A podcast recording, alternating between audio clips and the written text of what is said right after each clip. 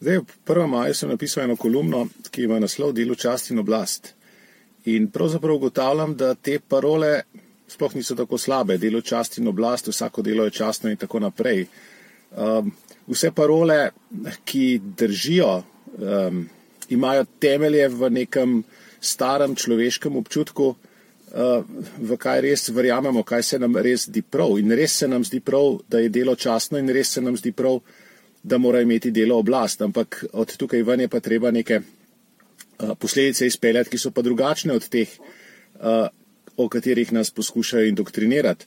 Namreč, uh, če je delo častno, potem je rezultat uh, dela nekaj častnega. To pomeni, da je premoženje oziroma lastnina častna, to pomeni, da je premoženje pravzaprav samo neka akumulirana čast, akumulirani rezultati dela, Eh, iz preteklosti in da to nasprotje med delom in kapitalom, ki nam ga poskušajo usiljevati, eh, je popolnoma, je popolnoma umetno.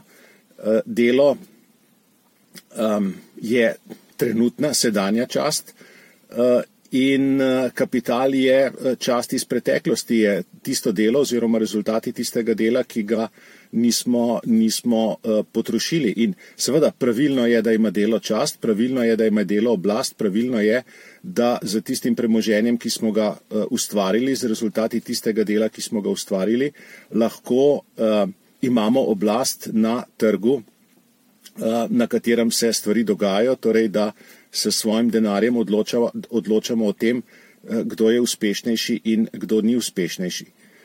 Tako da, ja, Eh, delo čast in oblast, vsako delo je častno, ampak naj to velja eh, na način, eh, da je res častno delo, da so res častni rezultati dela, da ima res oblast delo, ne pa pravzaprav brezdelneži in tisti, ki iz tega zganjajo propagando.